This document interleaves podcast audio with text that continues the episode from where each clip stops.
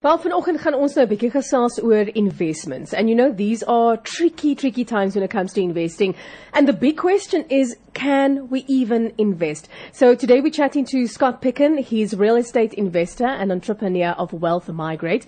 And we're going to be chatting to him about the possibility of being able to do so and what could be lying ahead for us in 2021. Good morning Scott. Welcome to the Ontbyt show.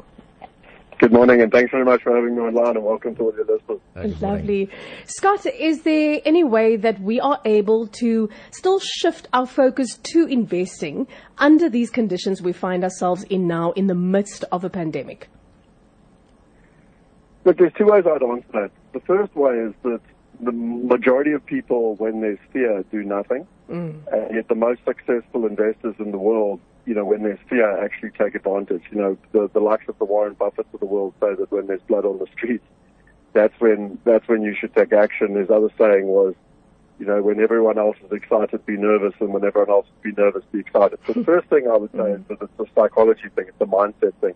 That yes, you certainly can take action, but the, the biggest challenge you've actually got is your own um, psychology and self-belief. The second thing that I think is really relevant is that just in the same way that 2020 taught us that even though we all had the tools already available to work online, most of us were not using them effectively. And then COVID, you know, forced us and the lockdown forced us all to use um, online, you know, tools. And we quite quickly learned that we could actually use online tools. And in the exact same way that, you know, we, we sort of locked down, we can't travel and all that, the sort of the intention around investing for property was, was, you know, I need to get in my car go and see the property. And the world's really changed now. And you know, with with uh, with access to the internet, you've got access to the best partners and the best opportunities around the world. And um, you know, I find that incredibly exciting. Mm-hmm. Just on that point, I must just add that I spoke to uh, a friend of mine a couple of uh, months ago. He's a property uh, developer, and he said, you know, these days it's it's not really necessary anymore to have like an open house for people to come and view properties on a Saturday or a Sunday because many, many, many people simply view online. Mm. And when they actually decide that, hey, this is one of the properties that we want to perhaps purchase, then only will they go and look. So yeah, very true that you can do many, many things online. But uh, well, it's funny. It's, it's, it's funny you say that. Literally, the advert this morning I heard was that you can now do an online tour of your car. Oh. And you can share it with your friends and family and see what they think before you buy it. So it's happening all around us. Wow. Wonderful. Okay, so uh, where would one then begin, Scott? So look, it's quite a it's quite a, a broad question, mm. and the first thing I would say is that there's a lot of online resources where one can go, and you know, especially in lockdown, if, if people have a bit of extra time, you know, we've got a resource in wealthuniversity.org where you know for free people can go and download a huge amount of material and read all about it you know, the, the number one principle to investing, the number one law of investing is to invest in yourself first. It is the most valuable asset that you can ever invest is actually in yourself. So to give you the context, I would, I would always start with yourself. The second thing you can do is in terms of why I said it's a broad question is, you know, where do you invest? Do you, do you invest in South Africa? Do you invest in America? Do you invest in England? Do you invest in Europe? Do you invest in Australia? Now I wrote a book uh, which I'm happy to share with um, with you guys, called Property Going Global, where I took Clem Sunter's scenario planning um, methodology, and I presume most people know who Clem Sunter is, and I created a four-dimensional model on top of that to help us make the right decisions because the world's a big place. Know, where, where do you start? And I think one of the one of the most important things that I'd like to get across to your listeners today is that, in my opinion, the most successful uh, investor that, that people should be following right now is a guy called Ray Dalio. Go and Google him. Um, he owns Bridgewater Capital, or he started Bridgewater Capital like 45 years ago. Um, he's a multi-time billionaire. Mm. So why I like him uh, the most is that he's very pragmatic. There's fantastic information out there. He's got a great book called Principles. And his number one lesson during these times that he says to everyone is diversify. Mm-hmm. Diversify across assets, diversify across countries, currencies, and, you know, it's really even partners. And it's critically, critically important that people need to understand that they can live in South Africa. They can have a fantastic life in South Africa. I choose to live in South Africa, but I'm a global citizen and, and have my investments around the world. I'd, I'd like that global citizen because we all are at the end of the day. And I think, if anything, that's what the pandemic has highlighted as well. Um, you've given us uh, quite a, a, bit of uh, pieces of advice, which um, I'm also enjoying as well. And I must say that when you're looking at investing, um, investing in yourself, like you said, is very important.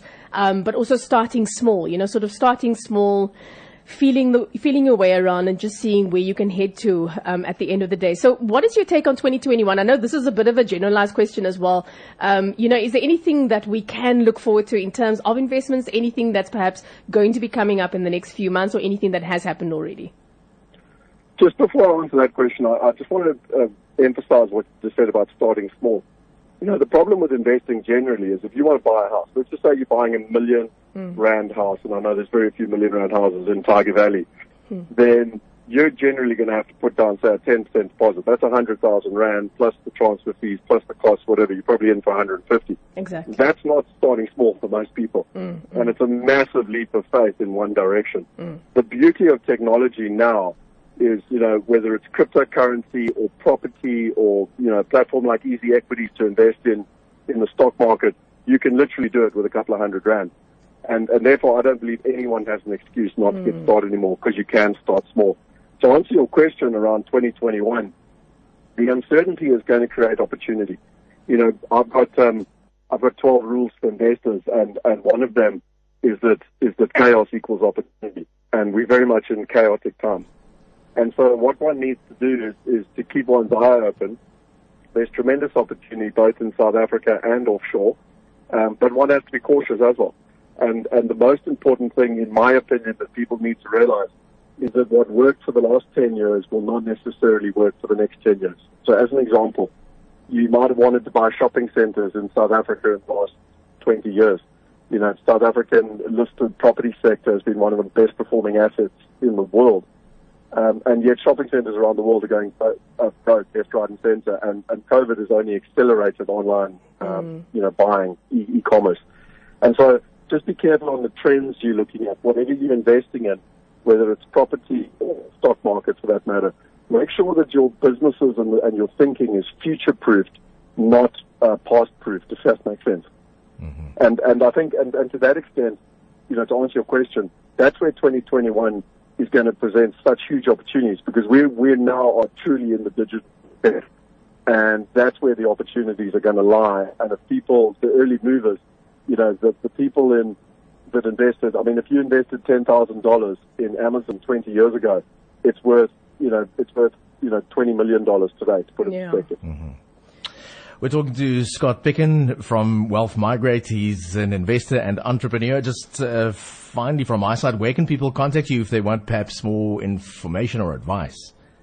Yeah, so look, there's two different ways. One is you can go to the website, wealthmigrate.com and um, you can check out all our information. You can get access to our university and everything else. Otherwise, just Google me. Um, you know, Scott Picken, Picken like chicken with a P, uh, scottpicken.com, and, and all my information's there. And I've got about 2,000 videos on YouTube. So, uh, my one of my passions in life, my mission statement, is to create a world of wealth, health, and happiness by having lots of fun and inspiring growth and change. And oh. it's the word inspiring that I'm focusing on because you know, really, I, I believe that most of us have the ability to be wealthy, to have financial freedom, um, to become global citizens. And for many, many reasons, we've held ourselves back, both mm. societal and personally. And I think we need to change that. I think it's the greatest challenge on our planet. And I believe in our, in our lifetime we can solve that. Love that. Inspiring growth and change. Amazing. Thank you for joining us this morning, Scott. Awesome. Thanks very much for your time and uh, have a wonderful day everyone. Thank you very much you too. Fantasties, inspirerend nogal. Moet sê 'n man wat baie optimisties is oor die toekoms. Ek voel so baie gaan nou in Wes en ek koel hom goed. Wow. Ja. Nee, ja. Ja.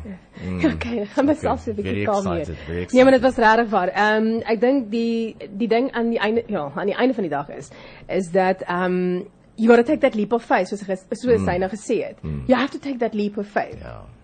En ek dink dis iets wat hierdie tyd vir ons leer. We got to change our thinking, change what we're doing ja. and improve our lives that much better. Jy kan nie dieselfde ding oor en oor nee, doen en verwag jy gaan 'n en verwag 'n ander resultaat. 'n Ander ja. resultaat jy gaan wat jy gaan kry nie. Nee.